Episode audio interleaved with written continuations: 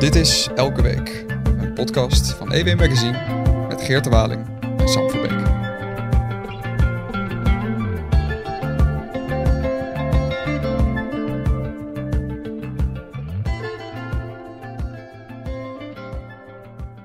Hey Geerte. Hi Sam. Nou ja, waar, uh, waar gaan we het in deze editie van Elke Week over hebben?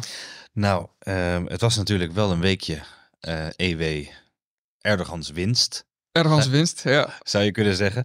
Uh, althans, er komt de tweede ronde, maar we moeten het echt even hebben over, over de Turkse verkiezingen. Daar hebben we vorige uitzending eenmaal uh, met Kaan Özgürk over gepraat. En die was stellig dat Erdogan zou verliezen en dat Kılıçdaroğlu zou winnen. Dat is anders uitgepakt. Uh, dus daar moeten we het even over hebben. En we hebben gelukkig ook nog versterking in de vorm van de andere Us. Dus Özgürk versus Özdil. Zini Özdil, die komt ook bij ons eventjes straks vertellen Zini... over hoe, ze, hoe hij al had verwacht dat Erdogan meer stemmen zou halen dan uh, Kılıçdaroğlu. Ja, zien die, die had een, uh, die had juist tegenovergestelde voorspeld. Hè? Die had gezegd van, nou, Erdogan die blijft gewoon, uh, ja. die blijft gewoon, uh, blijft gewoon aan. Dus we hebben de Battle of the Us. Um... We, hebben een, we hebben een valse profeet en we hebben een...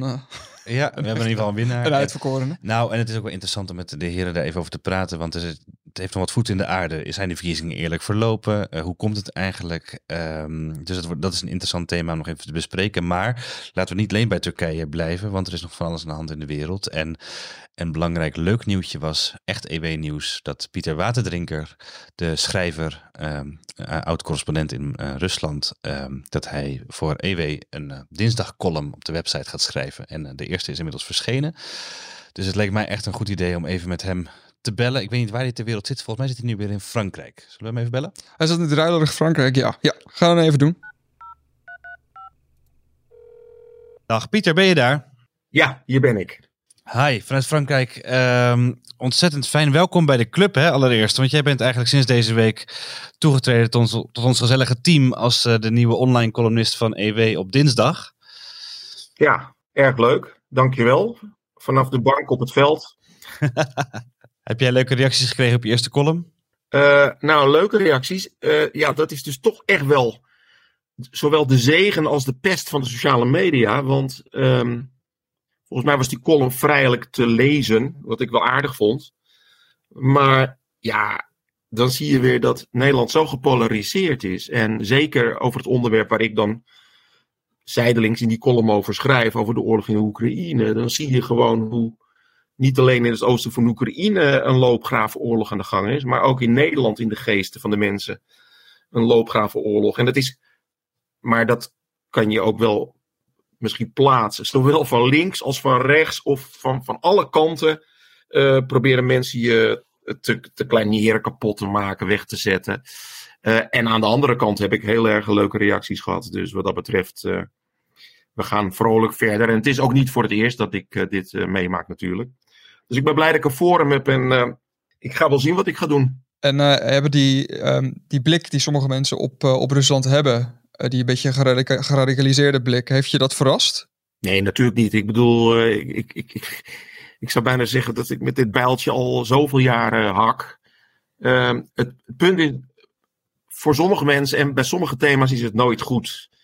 Um, mensen, dat valt me dan wel op en dat valt dan toch ook wel te verwijten, dat ze eigenlijk zich niet verdiepen in wat je schrijft, wat je denkt. Het gaat allemaal maar om beelden, om ja, uh, clichébeelden die men van een bepaald persoon heeft. En die zijn nu eenmaal heel erg hardnekkig. Dat is nu eenmaal zo. En ook wat je ook doet, je kan het voor sommige mensen niet goed doen. En andere mensen uh, zijn wat realistischer en zijn wat aardiger.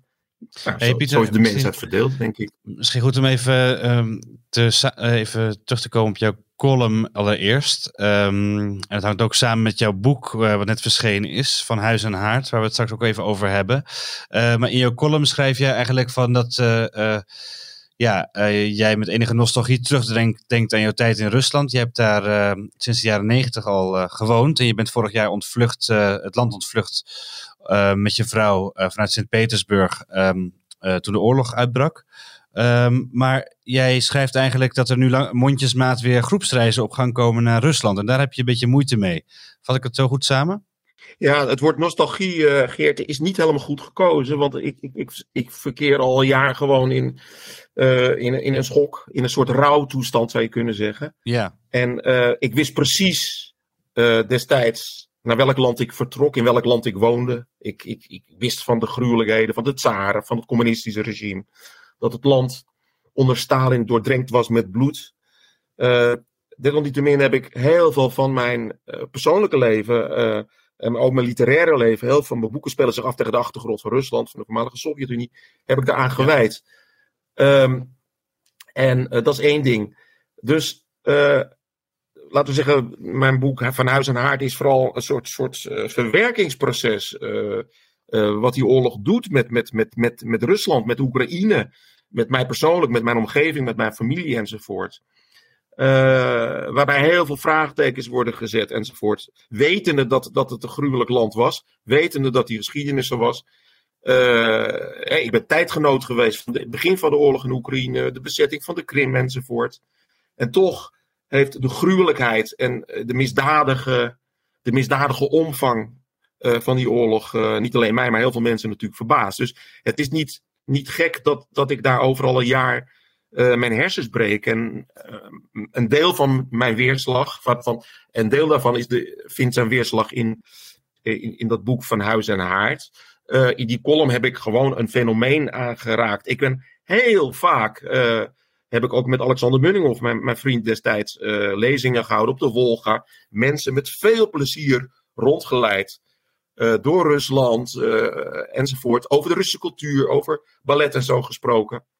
En ja, dat, dat kan eigenlijk nu niet meer op dit moment, wat ik heel goed begrijp. Het is hetzelfde. Ik heb dat eerder verteld alsof je ten tijde van Nazi-Duitsland praat over de schoonheid van Dresden of de opera in München. Dus uh, dat is even voorbij. Maar met nadruk ook even, want elke oorlog eindigt met de vrede. Maar het is nu niet opportun in mijn visie en ook ethisch gezien niet, niet, niet al, te, al te rechtvaardigen dat je nu naar Rusland gaat om daar uh, van de schatten van de hermitage te genieten, te wijnen en te dijnen. En, en, en eigenlijk een goede tijd te hebben, terwijl buiten mannen, zoals ik dan schrijf, uh, worden opgeroepen om naar het front te gaan, om te doden. Hè? Dat is pas op de plaats maken. Vandaar dat ik dat reisbureau Eurocult heet het. Uh, die, dat, die wel die reizen willen organiseren. Uh, ja, dat ik dat niet opportun vind, voortijdig. Maar hopelijk kunnen ze wel een rol vervullen als die oorlog voorbij is. Om dan weer de betrekkingen die dan totaal, totaal helemaal verzuurd zijn natuurlijk. Zoals ze nu al misschien wel voor eeuwen verzuurd zijn tussen uh, Oekraïne en Rusland. Om die betrekkingen tussen Europa weer op gang te brengen. Maar dat is een een, een hele lange adem. Maar ik geloof daar wel in. Eigenlijk, Ook in eh, dat het moet uiteindelijk. Je schrijft uiteindelijk dat dat alleen maar kan als dat eh, moderne fascisme van Poetin op de knieën gedwongen is eigenlijk, hè, als ik het parafraseer. Um, dat is echt iets wat, ja, moet eerst gebeuren. Die, die drempel moet eerst genomen worden. Ja, ik bedoel, ik ga hier geen moreel oordeel vellen. Het is puur wat ik zelf vind en wat ik vooral voel. Ik sta hier natuurlijk zo enorm emotioneel in natuurlijk ook. Dus uh, wie, ik, wie, ben ik om een moreel oordeel erover te vellen? Het is puur wat ik emotioneel voel. Ja, dat het nou dan is om dat te doen. En uh, de gruwelijkheden die nu worden begaan, die zijn begaan, die zijn van zo'n omvang. Dat je eigenlijk alleen maar kan zeggen: ja, er moet een ander regime komen in Rusland. Uh, waarvan je dan ook kan hopen dat ze misschien nog wel, wat ik niet verwacht overigens, daar hun spijt over uitspreekt op een gegeven moment. Maar, maar in ieder geval moet de terreur zowel in Oekraïne als de binnenlandse terreur die in Rusland plaatsvindt, iets wat vaak wordt vergeten, uh, moet niet zo hevig zijn als nu, of, of liever gezegd helemaal ophouden.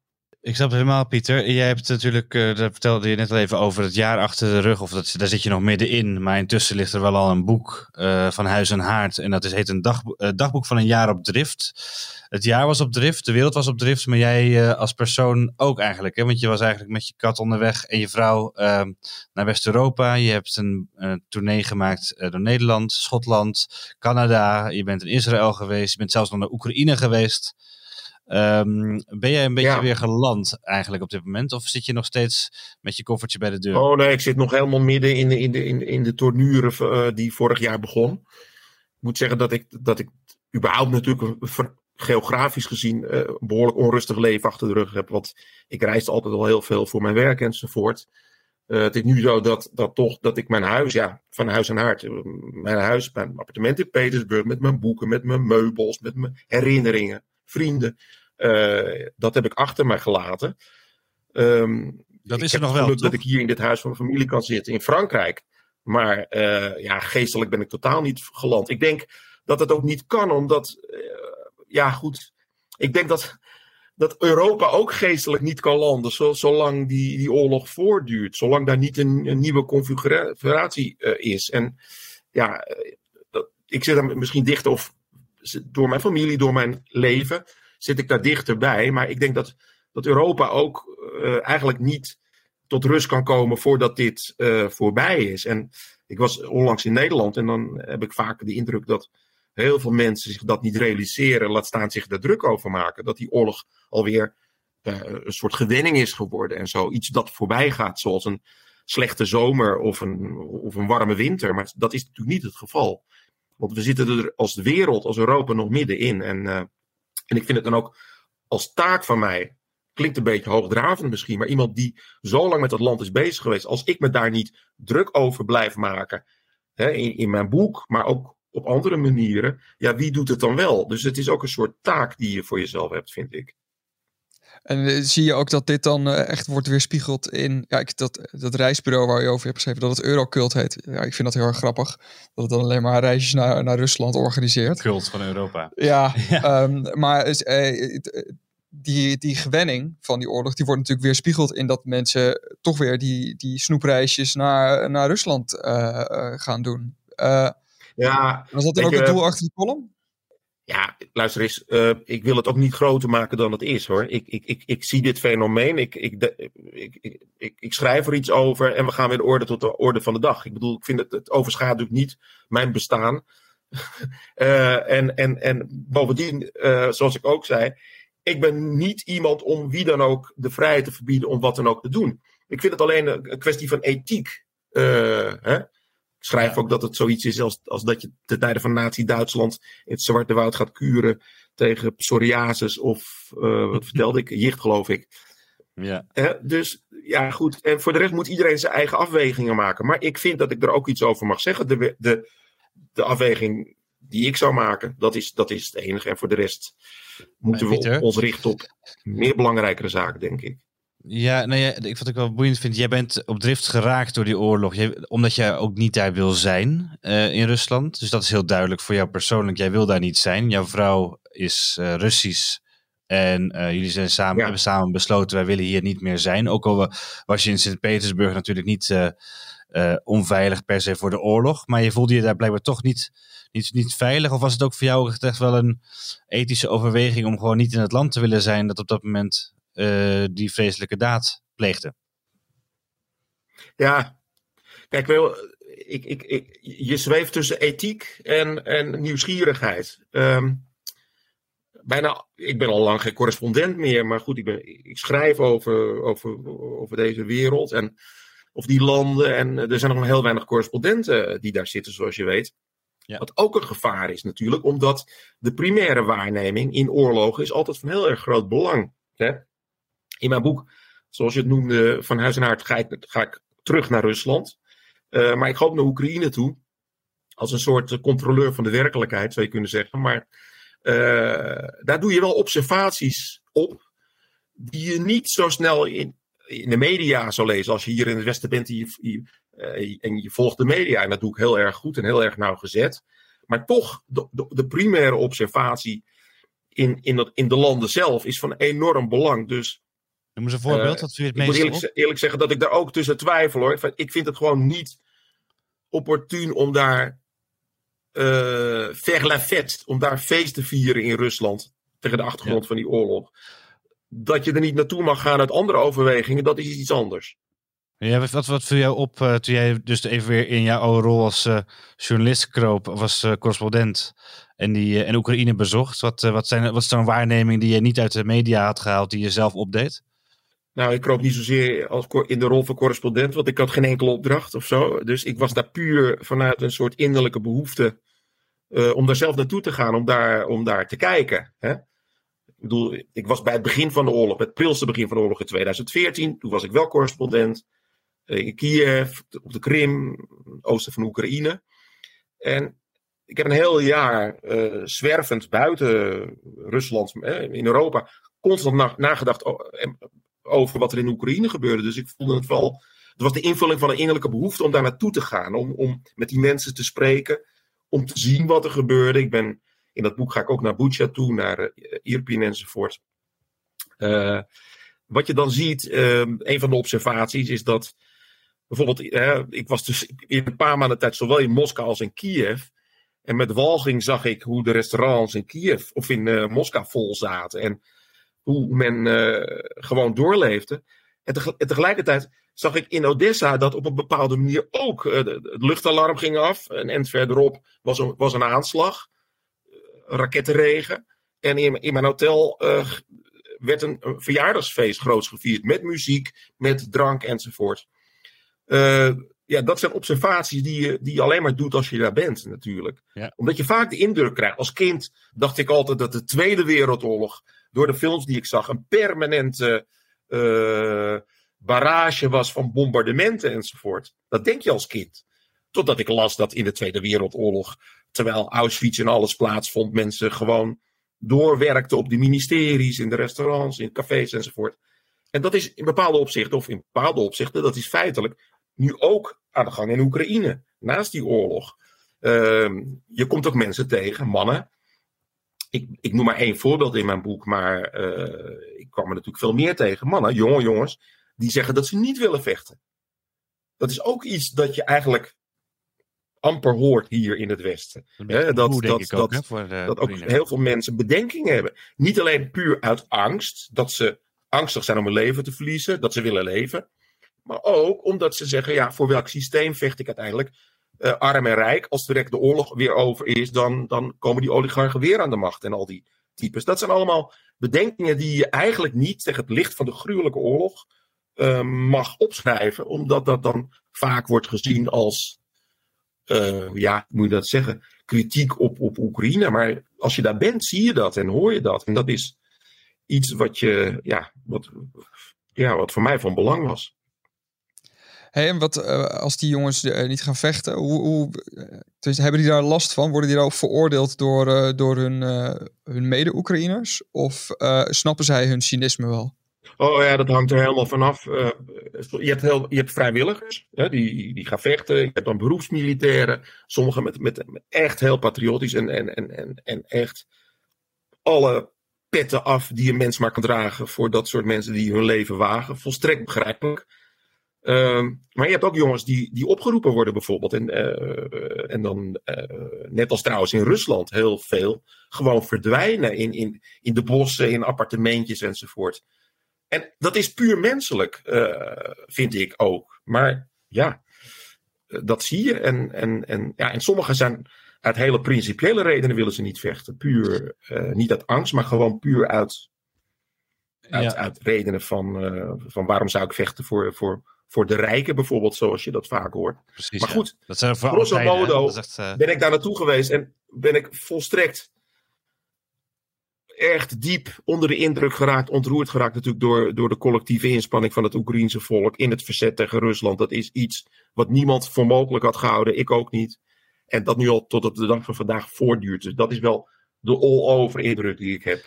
Zeker. Pieter, um, even over jouzelf. Voel jij je nog uh, opgejaagd? Of uh, wat is een beetje jouw status nu? Want je kunt niet anderhalf jaar in blinde paniek over de wereld zwerven natuurlijk. Uh, nou ja, ik, ik zit hier in Frankrijk als, als uitvalsbasis, zal ik maar zeggen.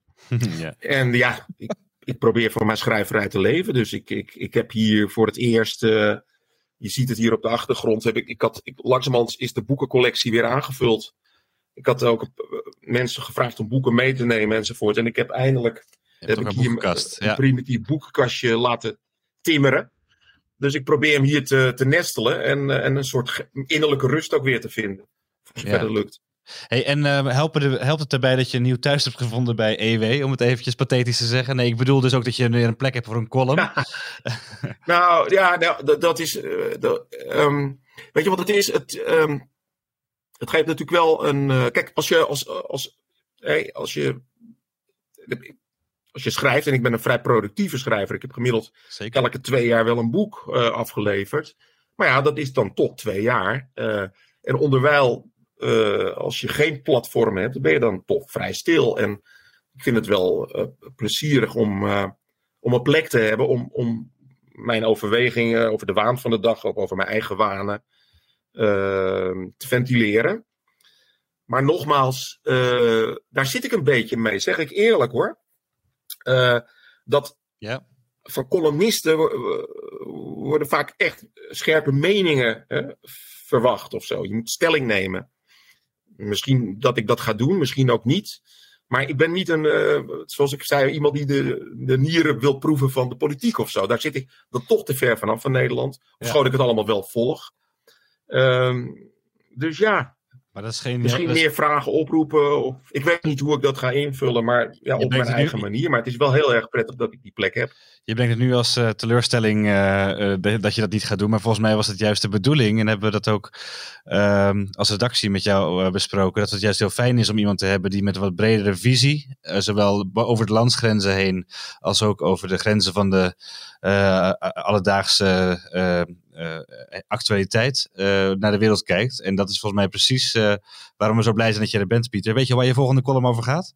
Um, ja, wil ik weten. Ja, ik ben nieuwsgierig. Tipje ja. van de sluier. De eerste, de eerste smaakte naar meer, dus uh, moet ja, ik, elke, moet het, ik, moet, ja, ik moet het nog uh, natuurlijk schrijven. Maar ik was uh, niet zo lang geleden, een week, ja, een week geleden nog maar, was ik in Brussel.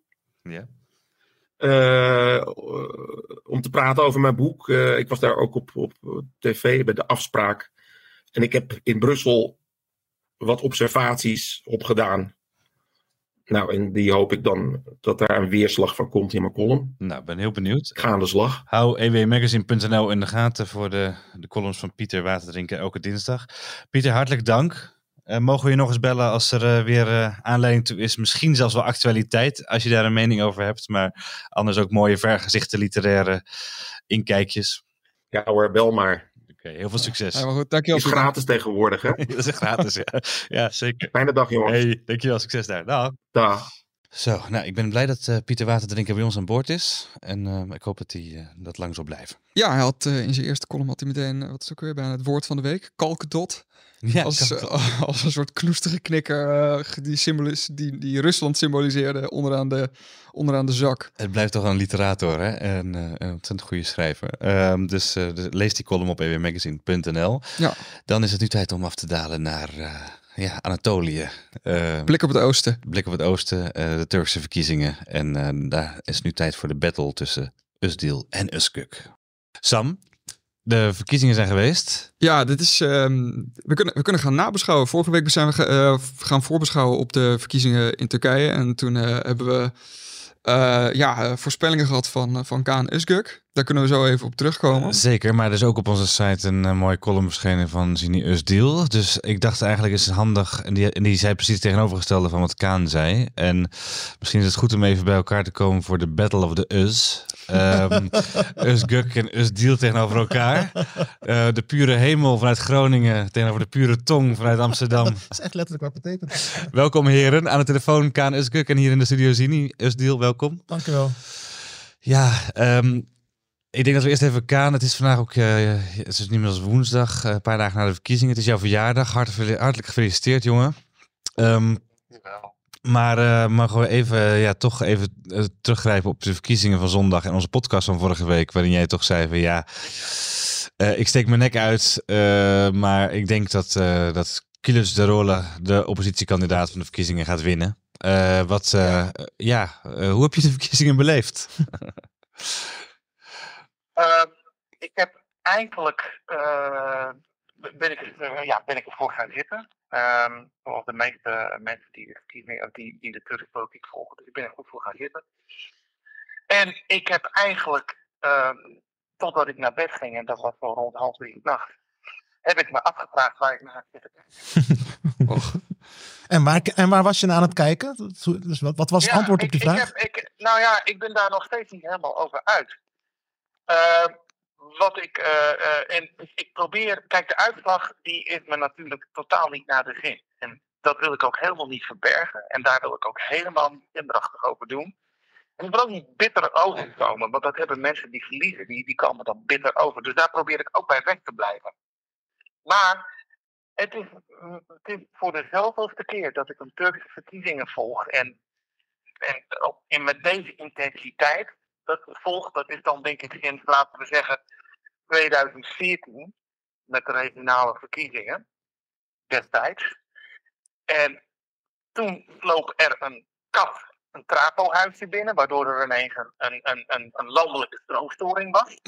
En toen ging, eh, eh, kwam het elektriciteit weer terug en er waren de uitslagen ineens weer. eh, Ja, jij bedoelt, er, werd, er onder shady omstandigheden werden de, de verkiezingsuitslagen werden een beetje bezoedeld eigenlijk. Of eh Nou ja, maand. weet je, Of... weet je er, is, er is elke keer wat. In 2017 waren er 2,5 miljoen ongestempelde, dus eigenlijk ongecertificeerde stembiljetten ineens in omloop. En die werden door de Hoge Kiesraad wel meegeteld. Eh, ja, ga zo maar door en ga zo maar door. Dus- En elke keer, de, de, en de, de constante van eh, de verkiezingen is dat ook elke keer dat eh, het nationale persbureau Anadolu eh stevast opent met hele hoge scores voor Erdogan. En dan gaandeweg naar worden die dan veel lager. Dus dat, dat is en, ja, dat het gevoel dat je, dat, je, dat je gemanipuleerd wordt. Nou, en afgelopen zondag had je, had je dat ook weer. Maar wat kwam daar nog eens bij? Daar kwam op een gegeven ogenblik bij dat er wel, eh, nou ja, er waren ineens bij elke stembus, en even om jullie een beeld te geven hoeveel stembus het gaat. Het gaat om 201.000 stembussen. En eh, daarvan zijn er ruim 190.000 in Turkije zelf, en de rest is buiten Turkije. Eh, dus dat zijn stembussen. En in Turkije is bij een heel groot deel van die stembussen in de steden, waar dus veel eh, eh, oppositioneel electoraat is, is bij elke stembus eh, afgericht. Want er- wordt een soort, er is zo'n doordrukveld, daar worden alle scores op gezet. Is bezwaar aangetekend. Nog voordat opdrukveld opgesteld kon worden. En Kaan, dat is dus op zo- dat is op zoveel talloze plekken tegelijk gebeurd. Kaan. Ik Wat hebben we naar gekeken? het mag wel je verjaardag zijn, maar er zijn ook nog, nog, nog drie andere mensen hier in het gesprek. eh. dus dank voor je monoloog. Maar kort samengevat, je, je, je erkent de stembusgang niet. Nee, eh, kort even je mond houden nu. Kort samengevat, je erkent de stembusgang Ja. niet. We krijgen meteen Turkse. Kaan Trump, Kaan Trump. We hebben twee. Een eentje. Een, een, een- nee, ja. Ja, jij bent dus. Oké, maar mag ik eventjes dan ook eh, onze collega, eh, de, de, onze zaterdagcolumnist, Zini Utdeel aan het woord laten? Die, kijk, ik, ik, heb, ik heb tegen jou gezegd, ook op Twitter, eh, K, na de verkiezingsuitslagen. Je, we weten allemaal dat jij geen voorstander bent van Erdogan. En dat jij. de, de hoop was de vader van de gedachte in dit geval. Je had ook, ja, maar je hebt wel ook terecht heel vroeg al aangegeven dat die Kulic de Role een duidelijke kans maakte. En dat is wel echt bewezen. Want er komt ook een tweede ronde en hij heeft meer stemmen gehaald dan, wat, dan, dan heel veel mensen hadden verwacht. Dus daar heb ik je voor gecomplimenteerd. Maar we moeten ook eh Zini Özil complimenteren voor het feit dat hij een column, dat hij, dat hij een column schreef. Nee, maar daar wil ik graag de reactie van Zini even horen, als dat mag. Eh, de, de, de, dat hij een column heeft geschreven de dag voor de verkiezingen waarom Erdogan gaat winnen. Ja. Waarin je eigenlijk uitlegt Ja. eh, waar, waar- dat zijn machtsbasis eigenlijk best te verklaren is. Ook als je ervan uitgaat dat de verkiezingen eh, eerlijk zijn verlopen. Ja, nee, en het, het, het, weet je, dank voor het compliment. Eh, en eh, net als Kaan ben ik ook niet eh, de grootste fan van Erdogan, om het op zijn zachtst te Nee. zeggen. Maar als we echt een eerlijke analyse maken, zijn er een aantal niet te miskennen factoren die spelen in Turkije. Kijk even naar nuchtere feiten. De nuchtere, ja, de nuchtere feiten, zoals dat heet. Ehm, om, laten we eens even beginnen met de materiële omstandigheden van de gemiddelde Turk. Het is echt geen kattenpis wat de regering Erdogan heeft gepresteerd. Dat zeg ik met pijn in het hart, maar het is wel de waarheid. Twintig jaar geleden. Twintig jaar geleden leefde bijna de helft van de Turkse bevolking onder de officiële armoedegrens. Nu is het minder dan 15 procent. Eh, de levensverwachting is onder Erdogans bewind gemiddeld gestegen van 70 jaar naar 78 jaar. Ehm, toegang tot gezondheidszorg. eh, ongeveer 60% van de Turken had toegang tot gezondheidszorg. Nu is het bijna 8, 98, of bijna 100% moet ik zeggen, dus 98%. Ik kan nog een uur doorgaan met ik, de materiële, ik benadruk materiële, ik heb het nou even niet over mensenrechten, andere dingen. De materiële omstandigheden van de gemiddelde Turk zijn Ja. echt enorm vooruit gegaan. En laat, eh, kunnen wij het kwalijk nemen dat de gemiddelde Turk, met name in het Turkse hartland, eieren voor zijn geld kiest? Dat is een vraag aan Sam, Nee, denk ja, ik. Sam. ja. Ik, eh, ik neem dat kwalijk nemen? het- het- het Turk in Turkije niks, eh, niks kwalijk als hij op Erdogan Heel kort, stemt. Heel kort, heel kort. en dan daar ik Sam. Ik, ik hou even na mijn mond. Is goed, Eh, Kaan. Over naar jou. Eh, De, de armoedegrens is, op, is in Turkije gesteld op 9000 lira, of 9814 lira. Het minimum Turkse loon is 8300 lira. Dus het minimumloon ligt onder de armoedegrens. En 40% van de Turkse bevolking leeft van het minimumloon. Ja. Dat wil ik even tegen je zeggen. Ja. Dus die cijfers, daar kun je ook op een andere manier... Nou, en er is de inflatie natuurlijk geweest. Ja, maar jullie zitten, jullie zitten weer in... Ja, ik zeg jullie. Dat bedoel ik niet, niet vanwege je afkomstkaan, maar... Je, kijk, jullie... De ene Turk verwijt de andere jullie- Turk dat hij fout zit. we, we, kunnen- we, we, we kunnen... Hey, hey, rust. We zijn twee Nederlandse duiders, ja. We, zijn, eh, we hebben ook andere interesses, toch, Kaan? Ja, maar luister nou eens. Kijk, je, Kaan, je, zit, je, je, zit, je zit nu... Je, je zit, je, zit nu, je zit nu in de techniek, maar ehm, echt, echt, de, de materiële omstandigheden van de gemiddelde Turk zijn echt vooruit gegaan. Daar speelt nog, nog iets eh, een, eh, een eh, rol. En dat wordt ook onderschat. Ik denk dat het dezelfde reden is waarom Caroline ogenschijnlijk uit het niet zo groot is geworden in Nederland. En onderschat niet het dédain. Sam en eh eh, ehm, Geert eh, zeg ik nu. Onderschat het dédain niet van de spreekwoordelijke Turkse grachtengordel richting het Turkse hartland Anatolië. Istanbul, Historisch enorm. Eh, ik heb over Ja, ja, oké. En dat, die rancune die daaruit voortkomt, die, die, die is nog springlevend. Is ook een... ja. Wat me ook niet heeft verbaasd, dat noemde ik ook in mijn column. Kijk, eh, een van de optimistische uitgangspunten eh, in aanloop naar de verkiezingen was het aantal jongeren dat gaat stemmen in Turkije. Turkije heeft Ja. sowieso een heel jonge bevolking. Eh, ongeveer de helft is onder de 30 jaar. En 5 miljoen jonge mensen gaan voor het eerst stemmen. Dus dat werd door pijlers, door duiders overal op de wereld gezien als Ja. een kans voor clusterrollen. Maar wat, werd, wat wordt vergeten, als je kijkt eh, regionale spreiding van die jongeren. De meeste wonen in Zuidoost-Anatolië, eh, het hart van Anatolië. Dat zijn allemaal boerenjongens die helemaal niks hebben met clusterrollen. Dat zijn gewoon conservatieve jongeren.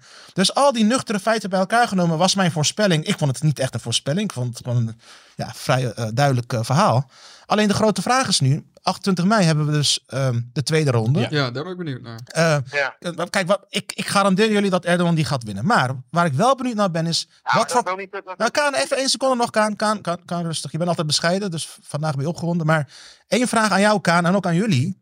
Ik, mijn, mijn vraag is wel van, wat voor campagne gaat Crisarolo dan nog voeren? Hij weet ook dat hij niet meer kan winnen, maar hij moet toch iets, iets gaan doen in die campagne dat misschien een basis gaat vormen voor de toekomst. Zie jij een haakje? Ik weet het niet. De vraag aan Kaan, aan jullie. Kaan, eh, heb, jij een sentiment voor ik- ogen? Ik, zie eigenlijk, ik zie eigenlijk ook niet zo goed wat voor campagne hij nog zou moeten kunnen Dat is lastig, hè? Eh, ik, vond, ik vond zijn campagne trouwens, ik vind het ook, eh, ik, ik lees ook heel veel commentaar eh, nu. Hè, op tussen, tussen bijvoorbeeld eh, ontzettend veel commentaar op, eh, nou ja, het zo moeten doen, het zo moeten doen. Ik vind dat hij een uitstekende campagne heeft gevoerd. Maar misschien zijn dat wel naar Europese maatstaven uitstekend. Want ik heb ook met wat prominente PvdA's gesproken en die zeggen van ja, dat is een voorbeeldige campagne, moet een voorbeeld aan nemen. Dus misschien was het wel een campagne die, die, Ja. die te zeer afgesneden was. Heel op erg een- voor de Partij van de eh, Arbeid om te zeggen dat bij de verliezer dat het een geweldige campagne is. Hoor. Ja.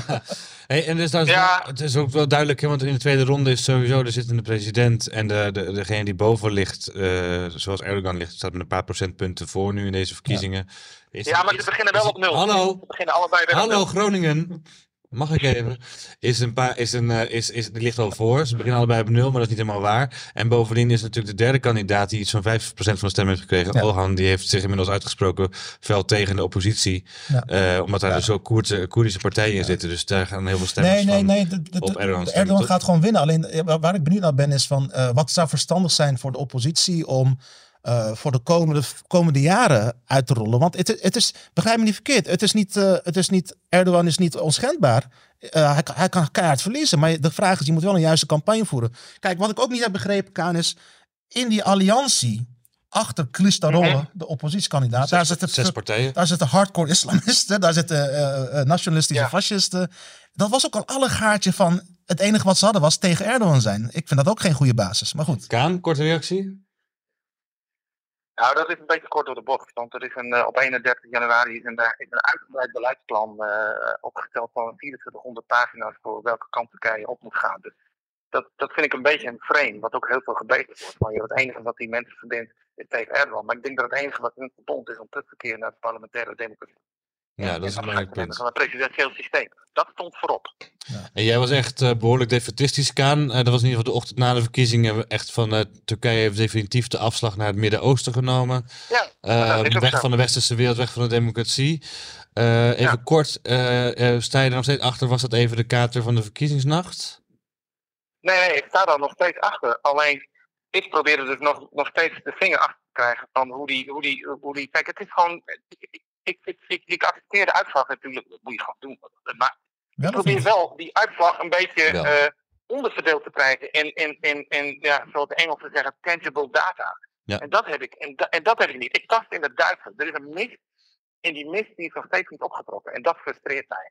En, eh, maar, maar er zit niks anders op dan gewoon eh, naar 28 mei te gaan. Maar dat zie ik als een vrij kansloze missie. Omdat Maar, ook maar het parlement nu in handen ligt van de AKP. Kaan als, als ik toch even mag vragen, eh, wat, wat Zini vertelt over die, die boerenjongens eh, en dat, dat, eh, dat, dat, dat demografisch gezien, dat Kilisarolu eigenlijk al bezig was met een, met een, met een hopeloze missie. Eh, zie jij dat dan ook? Nee, nee, dat, was, dat zag ik niet als een hopeloze missie. Ik weet niet of dat. Dat nee, ik begrijp wel waar Vini vandaan komt eh, qua, qua, k- qua hoe die dat, eh, hoe die dat, hoe die dat insteekt. Dat, dat, dat begrijp ik wel. En, maar nogmaals, Maar hij heeft het over die demografie. Hij heeft het over 5 miljoen nieuwe kiezers. Ik ben wel eens benieuwd hoe die 5 miljoen nieuwe kiezers er precies uitstaan. Nou, precies. Er is één, er is één vraag die ik nog wilde stellen, eigenlijk een, een thema.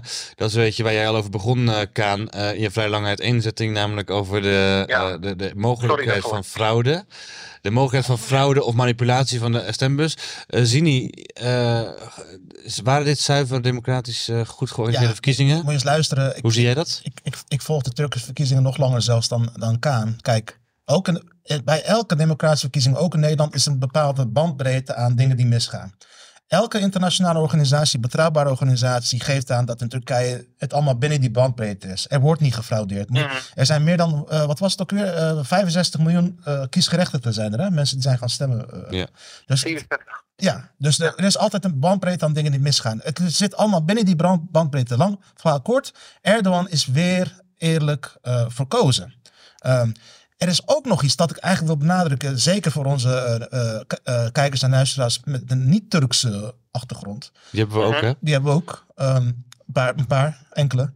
Kijk, als je Erdogan hoort spreken, ik heb de afgelopen Het is geen week... Erdogan weekblad, hè? Het is Elsevier weekblad. Er- Erdogan, Sorry. Ja, Eh, als je, ik heb al zijn speeches weer beluisterd. En het is elke keer weer raak bij, die, bij Erdogan. Kijk, inhoudelijk ben ik het niet per se altijd mee eens. Maar hij kan spreken, jongen. Het komt uit zijn tenen. eh, eh, en hij, heeft, hij, heeft, hij, hij citeert ook nu weer, hij citeert gedichten. Hij heeft het over een lange termijn visie, Hij grote inspireert. verhalen. Hij inspireert. Eigenlijk compleet tegenovergestelde van Mark Rutte eigenlijk. Eh, we hebben toch meer, meer van die maar technocratische... is het niet eigenlijk knap van Rolle dat hij er ook in ieder geval zover gekomen is? Dat zou ik Ook, zeggen. ook dat een inspirerende spreker. Dat, nee, Die- dat, dat, dat is dus, dus niet. Daarom, is het extra, daarom is het extra saai, knap. te want, saai. Want, Ah, ja. want kijk, niet zo saai als, als Nederland, Nederlandse Erdogan is, politici. Erdogan is inspirerend zoals, zoals, Eh, Hitler niet inspirerend was. Ja, nou ja, of, maar, ja dat, De- vind ik, dat vind ik een makkelijke Godwin. Nee, Oké. met, met, met De snor van Erdogan is anders. eh, Ehm, Mag ik daarop reageren? nee, maar nog één Nee. punt. Nog één, nog één punt. Nu- Dus, Ja, eh, eh, nu naar Kılıçdaroğlu. Kijk, voor Nederlandse begrippen was Kılıçdaroğlu ook een enorm po- populistische spreker. Maar voor Turkse begrippen niet. Kılıçdaroğlu eh, was hiervoor ambtenaar, decennia lang. Hoog ambtenaar, ergens op een ministerie. En voor Turkse begrippen was hij niet zo'n inspirerende spreker. En alsnog heeft hij zoveel stemmen behaald. Dus er is een basis, denk ik. Ik ben minder eh, pessimistisch dan Kaan. Er is een basis voor de toekomst. Oké, laatste reactie, Kaan. Nou ja, ik ben. Ik ben ja, ik ben een basis. Jongens, kijk, ik vind dat, eh, ik, dat kan je wel zeggen. eh, in een normaal land heb je inderdaad een basis. Maar eh, in een land waar, eh, waar eigenlijk eh, eh, ja, eh, een enorme influx is Ik denk dat Erdogan de van, basis van, vluchten, van, Ja. van vluchtelingen die ook geïnstrumentaliseerd worden voor eigen politieke doeleinden. Eh, en dat zal de komende jaren alleen maar meer worden. Eh, dat zal alleen maar voor zorgen dat, eh, dat, dat, dat de AKP electoraal eh, eh, onwrikbare grip gaat krijgen. En, eh, en ik denk dat dat, eh, ik denk dat het echt een Ja. gelopen voet is. Erdogan- Want dit, was de laatste, dit was de laatste afslag Erdogan eh, heeft... om, van, om, om van het Midden-Oosten af te buigen. En die heeft Turkije nu niet genomen. Dus ja, ik ben daar niet eh, optimistisch. Erdogan, Ja, Erdogan, heeft, Laatste reactie, Zini. Erdogan heeft wel een actieve herinnering. Oké. Mag ik hier hartelijk danken, jongens. Ja, de laatste afslag eh, daar moeten, we, moeten we misschien mee afronden. En eh, ja, eh, we, we- zwaaien naar Turkije eh, terwijl ze oostwaarts gaan, denk ik. Dank. Mag ik nog wel zeggen dat wij eh, allemaal houden van Kaan en dat ook, al zat hij met zijn voorspelling naast, dat zijn artikelen altijd zeer doorvrocht en goed geïnformeerd zijn. Dus Kaan, blijf, blijf, alsjeblieft, voor, blijf alsjeblieft voor ons schrijven. En dan zal Zini dat op zijn manier op zaterdag. En ik zie je binnenkort weer in de hammam. eh. En een fijne verjaardag, Kaan. Terug naar Nederland, jongens. Oké, hoi, hoi. Hoi. hoi. Dit was Elke Week. Een podcast van EW Magazine met Geert de Waling en mij, Sam Verbeek. Zoals elke week kan je de besproken artikelen ook vinden in onze show notes. Voor dit een leuke podcast, abonneer je dan en laat een leuke review achter. Heb je vragen of opmerkingen? Geert kan je op Twitter vinden onder Geert Waling. Ik ben op Twitter te vinden onder SamWV. Je mag me natuurlijk ook mailen naar sam.verbeek.ewmagazine.nl Dank voor het luisteren naar Elke Week. Tot volgende.